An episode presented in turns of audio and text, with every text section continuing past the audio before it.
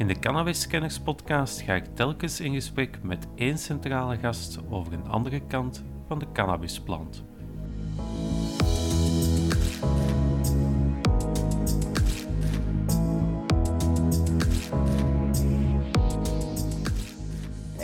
Tobak zich Ook heel publiek eh, sterk daarvan gedistanceerd. En ik weet nog eh, dat eh, zeer veel brieven of mails van jongeren binnenkwamen om te zeggen duim omhoog. hè.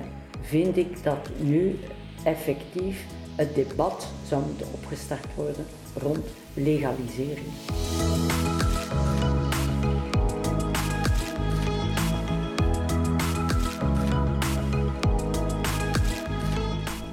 De gast in deze dertiende aflevering is Magda Aalvoet, voormalig minister van Volksgezondheid namens de partij Groen.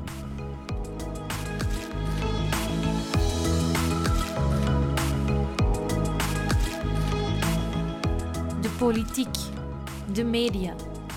Overal horen we dissonante stemmen over het gebruik van cannabis. Tijd om de plant onder een ander licht te houden. Welkom bij Cannabiskenners. Goedemiddag, Magda Aalvoet. Eh, bedankt eerst en vooral om tijd vrij te maken voor eh, het gesprek. Eh, Graag gedaan. misschien kan je jezelf even kort voorstellen, want misschien de jongere mensen gaan je misschien minder kennen. Zeker, die kennen me niet. Ja. Eh, ja, ik ben iemand die heel veel jaren actief geweest is in eerst Agalef, later Groen. Mhm. Dus ehm laat ons zeggen, als ik 40 jaar was, want ik was al wel wat ouder, hè, Mhm. ben ik voor de eerste keer eh, verkozen geworden op Mhm. een lijst van Agalef Mhm. ehm, in de Senaat. En dan later ben ik eh, in de Kamer terechtgekomen, in het Europees Parlement en in de regering Verhofstadt 1. Ja, ja. Eh, vandaag in het kader van het interview gaat over, over cannabis. Hoe bent u eigenlijk als politica als eerste in aanraking gekomen met dat thema? Wel, ik had in mijn portefeuille als minister de bevoegdheid volksgezondheid. Ja. En het is precies in het kader van volksgezondheid Mhm. dat wij van oordeel waren dat er iets moest veranderen op het vlak van drugsbeleid dat tot nog toe gevoerd werd. Mhm. Dus ik had eh, in mijn kabinet mensen die zeer sterk gewerkt hebben in het kader van de opdrachten rond de geestelijke gezondheidszorg. Ja. En er is natuurlijk een heel nauwe link tussen de drugsproblematiek en de geestelijke Mhm. gezondheidszorg. Mhm. Vandaar dat wij eigenlijk ingezet hebben op een, een grondige beleidsnota. Ja, dat was wel iets van een honderdtal bladzijden. Mhm. Om eh, in het kader van de geestelijke gezondheidszorg die drugsproblematiek Mhm. anders te gaan aanpakken. Mhm. Ehm, dat heeft er dan toe geleid dat wij over die nota als geheel een beslissing met de hele regering hebben kunnen nemen. En dat was in januari 2001. Dat ben ik eventjes gaan opzoeken in de aanloop naar het gesprek. Ja. En ehm, wat mij enorm is tegengevallen, is dat in de reactie van de media er nauwelijks iets gezegd werd over de globale nota, Mhm. maar dat het enige waarop men inzoomde, Mhm. en vaak op een heel negatieve manier, verdraaiende manier, Mhm. eh, enzovoort, enzovoort. Eh, het enige dus waar men echt op inzoomde was het veranderd beleid ten aanzien van cannabis. Mhm. En hoe bedoel je dan op een verdraaide en negatieve manier? Eh, wel, eh, daar bedoel ik dus mee dat er onmiddellijk verhalen begonnen de ronde te doen over ehm, toen hè, een volledige legal- legalisering Mhm. en de, eh, het vuur zou uit de pan swingen enzovoort. Eh, dus eh, heel sterk in het licht van afwijzing en dergelijke meer. Nu, dat werd al zichtbaar op het ogenblik dat we die nota moesten gaan verdedigen in het Mhm. parlement, Ja. wat een logische zaak is. Mhm. Dus dat kwam niet uit de lucht vallen. Ik, ik, wil dus helemaal niet zeggen van de media hebben dat slecht opgepakt. Mhm. Het was een uiterst delicaat dossier Ja. en het is moeilijk gevallen in de samenleving en dus hebben de media daar ook op die manier uitdrukking aan gegeven. Mhm. Ja. Eh, dus wat stelde ik vast op het ogenblik dat ik het beleid moest verdedigen? Mhm. Dat parlementsleden van de meerderheid zeer sterk eh, de uitgangspunten i- altijd weer hè, gefocust alleen op die cannabis, want voor cannabis ging er iets veranderen en dat mocht niet, hè, want dat eh, zou de jongeren alleen maar aanzetten tot meer enzovoort enzovoort. Ehm, dus Maar ook dus zelf vanuit de meerderheid en kwam dus daar. parlementsleden van de meerderheid, Mhm. die vielen dat heel sterk aan. Mhm. En de toenmalige minister van Justitie, ehm verdorie zijn naam ontsnapt mij niet. Ah, was het Verwilligen, Verwilligen, Verwilligen, ja. Eh, die had het daar duidelijk moeilijk mee. Dus eh, je zag aan hem dat hij eigenlijk zelf niet echt overtuigd was. Mhm. En, en hoe zag je dat dan aan hem? Kritische vragen te stellen? Of, Eh, of, of... nee, de manier waarop hij het beleid dan verdedigde. Mhm, mhm. Dat was zo, ja, half warm, half koud, Mhm. eh, maar niet echt duidelijk scherp ervoor willen gaan. Mhm. Dat, dat, was wel, Mhm. dat was wel duidelijk. En dat had natuurlijk alles te maken dat uitgerekend vanuit de VLD eh, heel wat parlementsleden zeer kritisch stonden tegenover die stap. Zoals? Kan die naam... Allee, Sorry, eh, ik zie nog gezichten, maar eh, al het is al lang geleden, hè? Inderdaad al. Ja, al ja. Maar dat was wel de algemene teneur. Dat, dat was toch wel de teneur. En bij de socialisten, Mhm. die toen ook eh, uiteraard in de Ja. regering zaten, heeft Louis Tobak zich Ook heel... publiek eh, sterk daarvan gedistanceerd en gezegd dat dat de laatste keer was dat zijn ministers eh, zoiets moesten uithalen. Mhm. Eh, dus eh, dat was duidelijk afwijzend tot en met. Mhm. Eh, en daarmee was de zaak dan ook gekaderd. Hè. Terwijl als je nuchter gaat kijken naar de wijzigingen die we hebben het allerbelangrijkste, en we hebben daar toen een hele brochure Mhm. een paar maanden later rond uitgegeven, Mhm. om die communicatie een beetje in een ander vaarwater te Ja, krijgen. ja. En dat ging dan over eh, het beleid van de regering beter begrijpen, Ja. met een, een detailleren van dat zijn de doelstellingen, dat willen we daarmee bereiken, enzovoort enzovoort. Om zo de focus een beetje weg te halen van Om- enkel dat cannabis. niet alleen cannabis, Ja. want laten we zeggen, vermits we er een hoofdzaak wilden van maken, als dossier van volksgezondheid, Mhm. was het signaal, kijk, drugs bestrijden in de zin van ehm, zorgen dat er minder mensen drugsafhankelijk worden, Mhm. overlast gaan creëren en dergelijke meer, dat doe je niet met ze even op te pakken en in een gevangenis te steken. Mhm. Dus meer het idee van harm Het, reduction, eh, hè, het was- dat was eh, de invalshoek. Ja. En vandaar ook dat wij op een aantal punten, en dat ging dan niet alleen over cannabis, Mhm. veel meer de nadruk legden op een samenwerking tussen wie dan toch met het gerecht in contact kon en de zorg, het zorgbeleid. Mhm. Dus daar, vandaar dat er toen voor de eerste keer case managers werden aangesteld. Dus daar werden ook middelen voor vrijgemaakt om dus die link tussen eh, justitie en volksgezondheid, hè, eh, wat ertoe moest leiden dat mensen die met justitie in contact kwamen, met politie in contact kwamen, dat die sneller eh, in zorgbegeleiding terechtkwamen, zodanig dat ze beter konden ondersteund worden dan wel alleen met straffen. hè. Zie je? Nu, voor wat cannabis zelf betreft, hebben we malgré tout, hè, ondanks de belangrijke stap die werd gezegd, een, een zeer voorzichtige koers gevaren. Want wij wilden niet in botsing komen met een internationaal verdrag, wat door België ook eh, ondertekend was. Ja, ja. En dus de pointe was, wij zorgen niet voor een legalisering van cannabis. Waar we voor zorgen is een vorm van niet vervolging. Er zal het gedogen niet, eigenlijk. eh, een, ja, een, een, een zekere een vorm van gedoogbeleid. Dus we gaan u niet vervolgen indien bepaalde voorwaarden gerespecteerd worden. En welke waren die voorwaarden dan? Eh, de voorwaarden waren één, geen overlast Mhm. bezorgen. Twee, er mag niets gebeuren richting jongeren. Dus je mag niet aan minderjarigen eh, hiermee, eh, In contact brengen. hiermee in contact brengen, ze daartoe aanzetten en dergelijke meer. En ehm, het mag niet gaan over een problematisch gebruik. Mhm.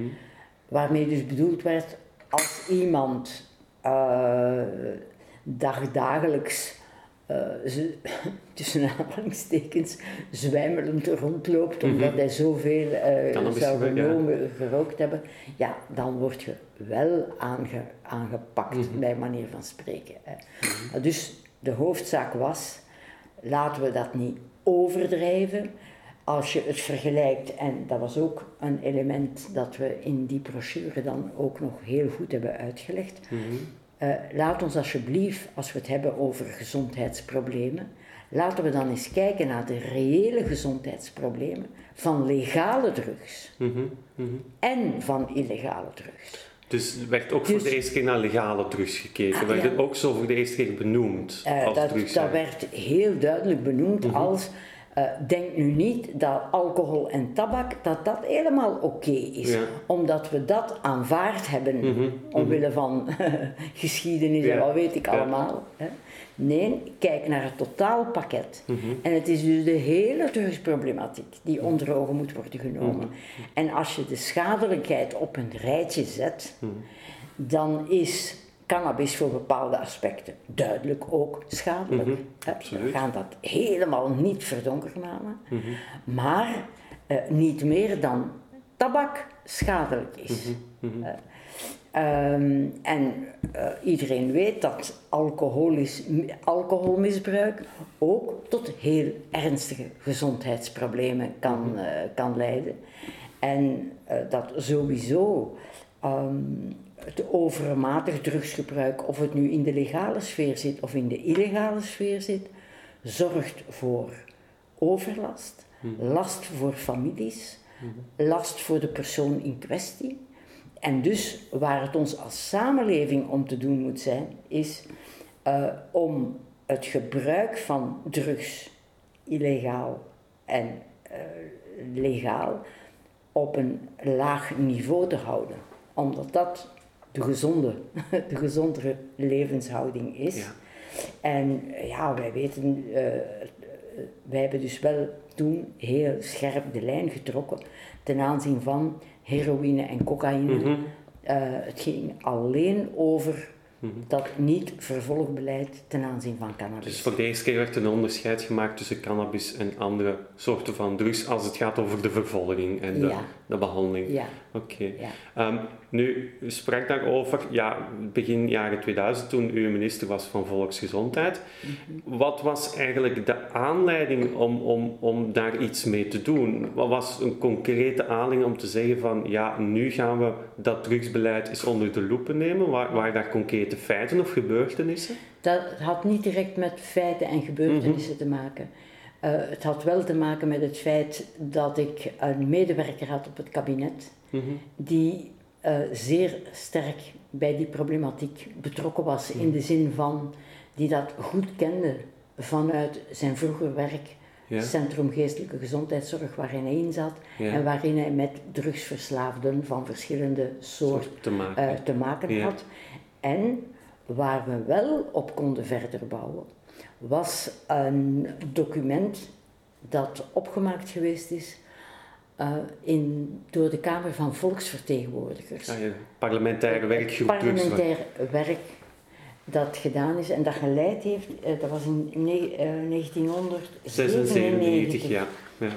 hebben die een bepaalde nota tot stand gebracht. Mhm. Die, die werkgroep, dat heette dus de werkgroep Drugs. Mhm. En die hadden dus in 97 een rapport klaar Mhm. en daarin een aantal aanbevelingen geformuleerd.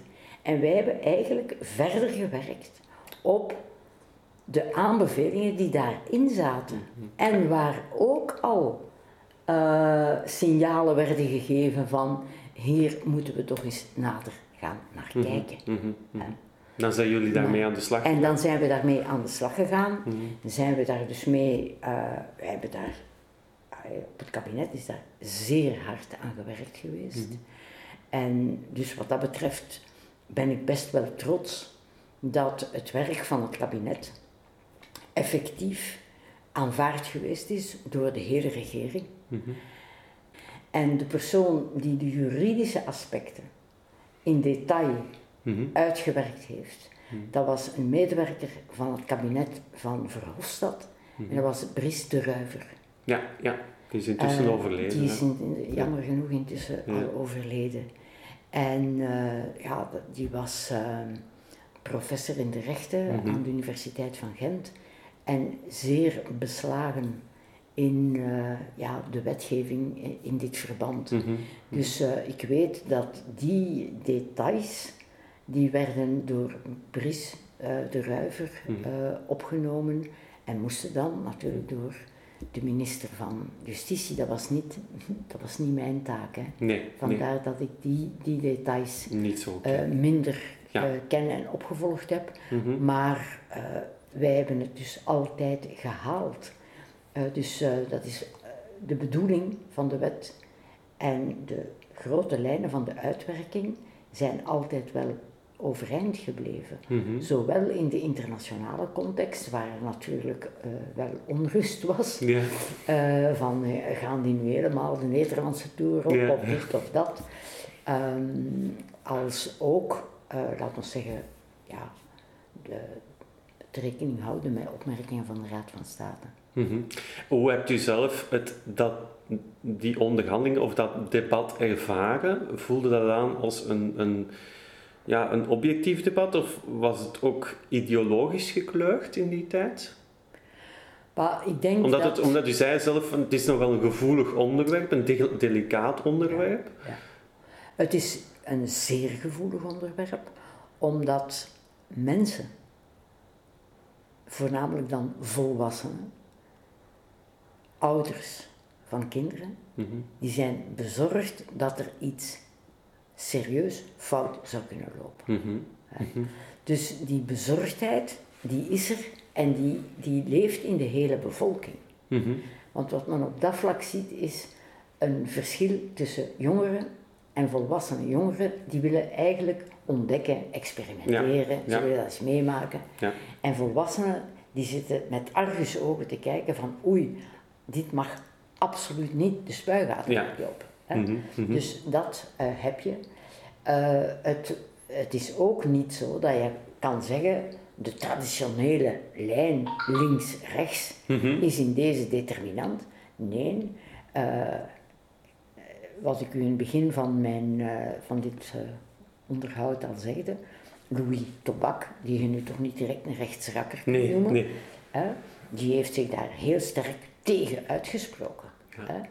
Dus uh, de kaarten lagen niet links-rechts. Mm -hmm. mm -hmm. uh, binnen de VLD was het manifest zo dat Verhofstadt voor de niet-vervolging was Mhm. mm -hmm. en dat uh, Verwilligen daar zeer, zeer wantrouwig ja. en angstig tegenover stond. Mhm. Dus als we alleen Verwilligen gehad hadden in de regering, was dat nooit gebeurd, was dat nooit tot stand gekomen. Mhm. Zo simpel is dat. Mhm. Want vooral hij, natuurlijk als minister van Justitie, ja. heeft toen in het parlement uh, ja, het zwaarste deel van Tuurlijk. de repliek op zijn nek gekregen. Mhm. Hè? Mm -hmm. En daar stond dan nog eens zijn persoonlijk aanvoelen, ja. dat dus niet, uh, niet meeviel. En wat natuurlijk ook, allee, wetende dat dit heel gevoelig is, op het moment dat we als regering samen zaten, was er afgesproken, kijk, nadat we de beslissingen genomen hadden, nu gaan Verhofstadt, Verwilligen en Aalvoet Hmm. binnen anderhalf uur een persconferentie geven. Mm -hmm. hè? En de andere leden van de regering die hierbij aanwezig waren, dat was praktisch iedereen, mm -hmm. uh, jullie geven op dit ogenblik geen commentaar. Ja. Hè? Mhm. Zo was afgesproken. Mhm. Wij blijven samen, Verhofstadt, Verwilligen en ik. Ook om de, de laatste puntjes van Ja. eh, hoe gaan we dit en dat eh, enzovoort Ja. voorstellen. Wij zijn nog geen kwartier verder. En wij krijgen van overal telefoons van journalisten die dit te weten gekomen waren, dat te weten gekomen waren. Ze wisten Alles. Dus de regering had zich niet aan de afspraken gehouden. Dus je komt naar een persconferentie waar iedereen zit en zegt, weet. we weten alles en nu gaan we een keer. Hoe komt dat, denk je, dat dat zo was? Dat, dat, dat, dat de regering zich daar niet heeft aan gehouden, aan, aan, aan dat... Maar dat was heel dikwijls zo. En dat was op dat ogenblik, in die tijd, dat kan ondertussen veranderd zijn, was dat nog iets sterker het geval langs Franstalige kant. Die konden hun mond niet houden. Ja, oké. Ehm, je zei van, eigenlijk in, in dit debat was het niet een links-rechts, maar ging het echt, corrigeer me als ik verkeerd ben, ook een stuk over persoonlijke ervaringen misschien van politici met het thema? Of het kan zijn, is een heel persoonlijk thema denk ik ook. Als je iemand in de familie hebt die er problemen mee heeft, als je het bijvoorbeeld zelf doet, dan heb je al een heel ander standpunt daar tegenover, denk ik. Ik denk dat het meest bekende voorbeeld eh, Vincent van Quickenborne is. Ja. Eh, was hij daar destijds ook bij betrokken? Want hij was toen Nee. lid van de VEU, hè? Hij, eh, hij was daar niet bij betrokken. Mhm. Mhm. Maar ik herinner me wel, hij, in die periode is hij ook overgegaan naar de VLD. Hè? Ja. In, eh, in die legislatuur, Mhm. eh, dat hij heel erg aandrong op, allee, eh, laten we daar nu mee vooruit gaan. En Ja. Dus als daar vragen dan, hij zat toen in de Senaat. ja, dat heb ik daar dan heel veel vragen over Ja, en zo. ja, Hij was daar heel was daar actief. heel actief rond. Ja. mhm. En verwilligen moet hij, denk ik, verwenst hebben in alle mogelijke... Ja, dat kan ik me voorstellen. Ja. Maar nu is in Maar dus is dus, hij- als je nu zegt, dat heeft dus te maken met, met karakter ook een stuk. Hoe bedoel en je? Hoe, wel, eh, als je eh, heel sterk op controlelijn zit, Mhm. hè, eh, versus vertrouwenslijn. Hè, Mhm. hè, en ten, in, in opvoeding eh, heb je natuurlijk de twee, maar als Ja. je sterker naar controle neigt, Mhm. dan denk ik eh, dat je, hè, en, en voor, de, voor de harde, duidelijke aanpak, Mhm. hè, Ga je eh, sneller naar een dan, dan ga je eerder naar repressiemiddelen. hè. Maar En als je spreekt over dus, controle, hè, door het te legaliseren, krijg je eigenlijk wel juist die controle. Zou je kunnen zeggen ook. Natuurlijk, natuurlijk, dat zijn eh, de argumenten die wij gebruikt hebben Mhm. om destijds gedaan te krijgen dat we de stap zouden gezet Mhm. hebben naar het vervolg, Mhm. het niet vervolgen. Hè. En ik weet nog eh, dat eh, op het partijhoofdkwartier toen zeer veel brieven of mails van jongeren binnenkwamen om te zeggen duim omhoog. Hè. Ja. Ja, Dat kan ik me voorstellen. Dat kan ik me voorstellen. Is, het is een heel bewogen periode. Ehm, het thema blijft eigenlijk... Ja, sinds die, die wijziging begin jaren 2000 is er eigenlijk met dat thema niet veel gebeurd. Nee. Als u nu terugkijkt, bent u blij dat we destijds naar dat zogenaamde gedoogbeleid zijn gegaan? Of zou u het achteraf anders hebben aangepakt? We zijn nu twintig jaar verder. nee. Nee. Ik, eh, ik ben diep overtuigd van het feit eh, dat je met repressie die zaak niet Mhm. aanpakt en Mhm. ook niet onder controle krijgt. Mhm. Eh, als je ziet dat een van de grote kanalen van zwart geld, eh, waar wereldwijd, wereldwijd allerlei dingen mee uitgespookt worden, dat drugsgeld. onder andere drugsgeld is, dan zeg je in godsnaam, waar zijn we mee bezig? Waar zijn we mee bezig? Nee, dat was een stap in de juiste richting, maar eh, ik heb wel vastgesteld dat er, zeker voor wat Vlaanderen betreft, want dat, daar was echt wel een verschil van reactie langs Nederlandstalige Ja, en langs Franstalige kant, ook in de media.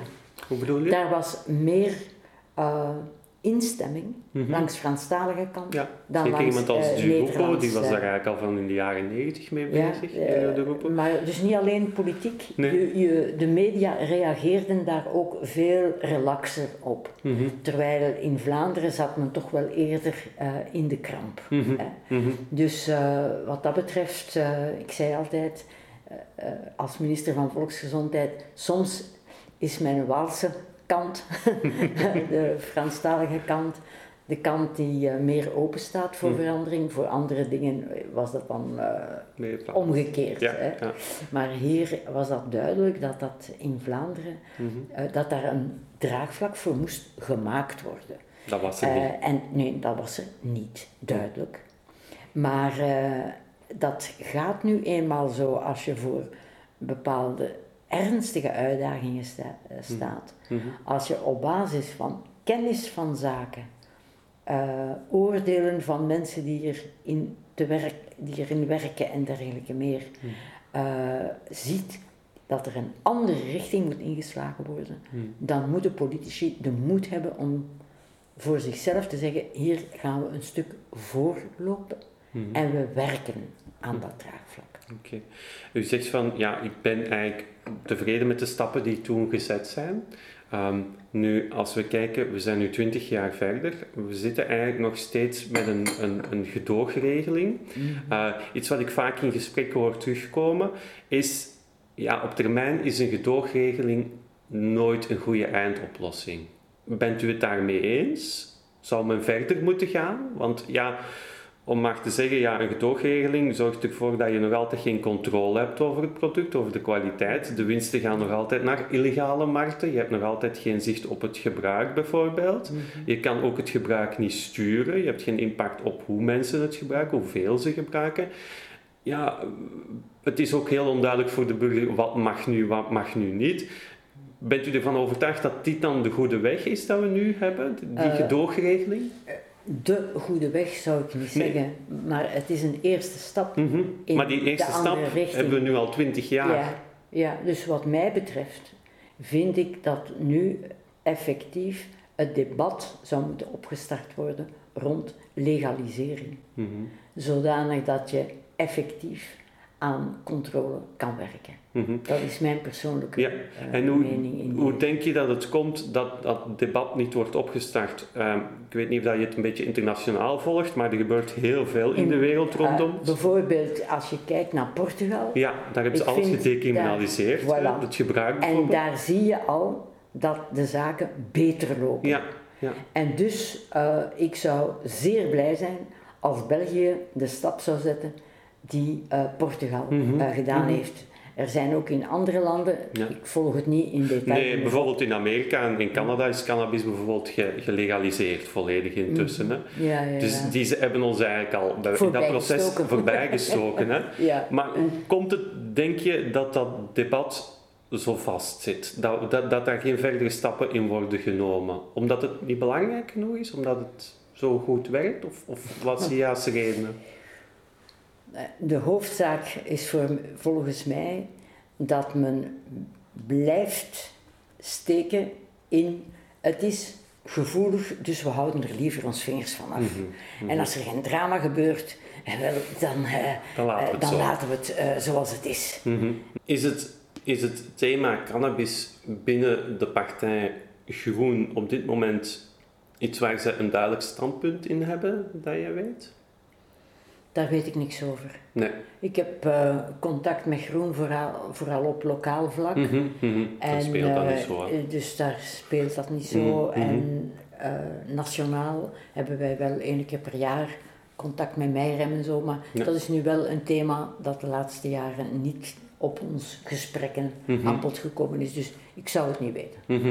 Ja, want ja, het is een beetje vreemd daarom dat ik ook de podcastreeks een beetje doe. Je ziet in heel veel landen dat er stappen worden gezet, dat het, dat het een, debat over, over mogelijk is over het thema, behalve hier in België.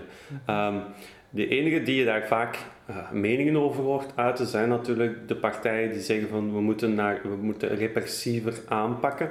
Denk je dat dat ook een invloed heeft op, op, op het stemgedrag? Denk je dat iemand die roept van we moeten hier snel en hard tegen optreden, dat hem dat of haar dat stemmen kan opleveren? Dat dat inspeel is op het onderbuikgevoel misschien van de kiezer? Maar in de mate dat het debat publiek in België eigenlijk nauwelijks nog gevoerd wordt. Zo de laatste jaren zie je dan nauwelijks echt naar boven komen. Uh, allee, mij is het alleszins niet opgevallen. Ja, dan kan ik mij voorstellen dat uh, als je natuurlijk op de lijn uh, zit van rechts recht en orde en controle en repressie voor heel veel dingen, mhm, ja, mhm, mhm. dan hoort dat er gewoon ook bij. Maar ik denk nu niet dat dat nu het thema is waarom men nu extra veel gaat. Uh, het is gewoon consistent met een globaal soort van aanpak en kijk van problemen in het algemeen. Nog een laatste vraag. Ehm, stel, u bent vandaag minister van Volksgezondheid. U zit in de regering Welk zou de volgende stap zijn die u zou zetten? Over het cannabisdebat dan bijvoorbeeld. Zou u een volgende stap zetten of zou u het zo laten? Of zou u zeggen, we ah. kijken naar het buitenland? Hoe dat nee, ik zou, uh, ik zou doen wat we toen ook gedaan hebben, mhm. namelijk opnieuw terrein verkennen.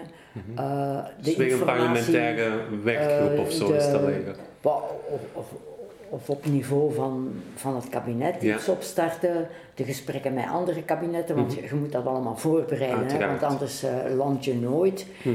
En dan uh, ja, de voorbeelden, de positieve voorbeelden van het buitenland, ja. uh, die heel sterk in de verf zetten mhm. en dan opnieuw zien dat je binnen de regering een stap vooruit kunt zetten. Want destijds waren zo, u gaf het zelf al aan, vooral de internationale verdragen die België had ondertekend, mm. hè, waren eigenlijk aanleiding om, om niet verder te gaan, om geen verdere stappen te zetten, heb ik begrepen. Ja. Ook, ook weer van het angst van ja, een tweede Nederland, of, of, of hoe werd dat dan ge, uh, gekaderd? Men wou niet in een situatie terechtkomen waarbij er een soort van internationale veroordeling van mhm. België zou uh, komen zijn. Ja. En dus door bepaalde formuleringen hadden we dat risico wel gelopen. En dat was het punt waar uh, Brice de Ruiver heel erg voor uh, gewaarschuwd had. Ja, ja van dus ga niet te ver. Van daar niet te ver in te gaan. Maar als je nu ondertussen ziet dat het effectief in Canada en de Verenigde Staten er gelegaliseerd is, dat je de voorbeelden van Portugal hebt absoluut. enzovoort, ik, zou, ik zou opnieuw proberen. Ja, ja. Zeker weten. Oké, in ieder geval bedankt voor dit interview. Oké. Bedankt Magda Alvoet voor dit uitgebreide gesprek. En u luisteraar, u hoor ik graag binnenkort terug voor een nieuwe aflevering van de Cannabis Kenners podcast.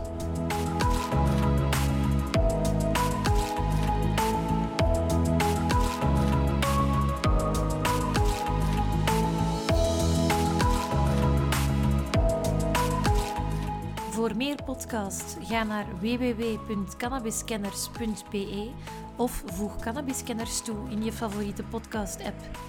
Heb je een vraag of wil je graag iets delen? Mail dan naar info.cannabiscanners.be.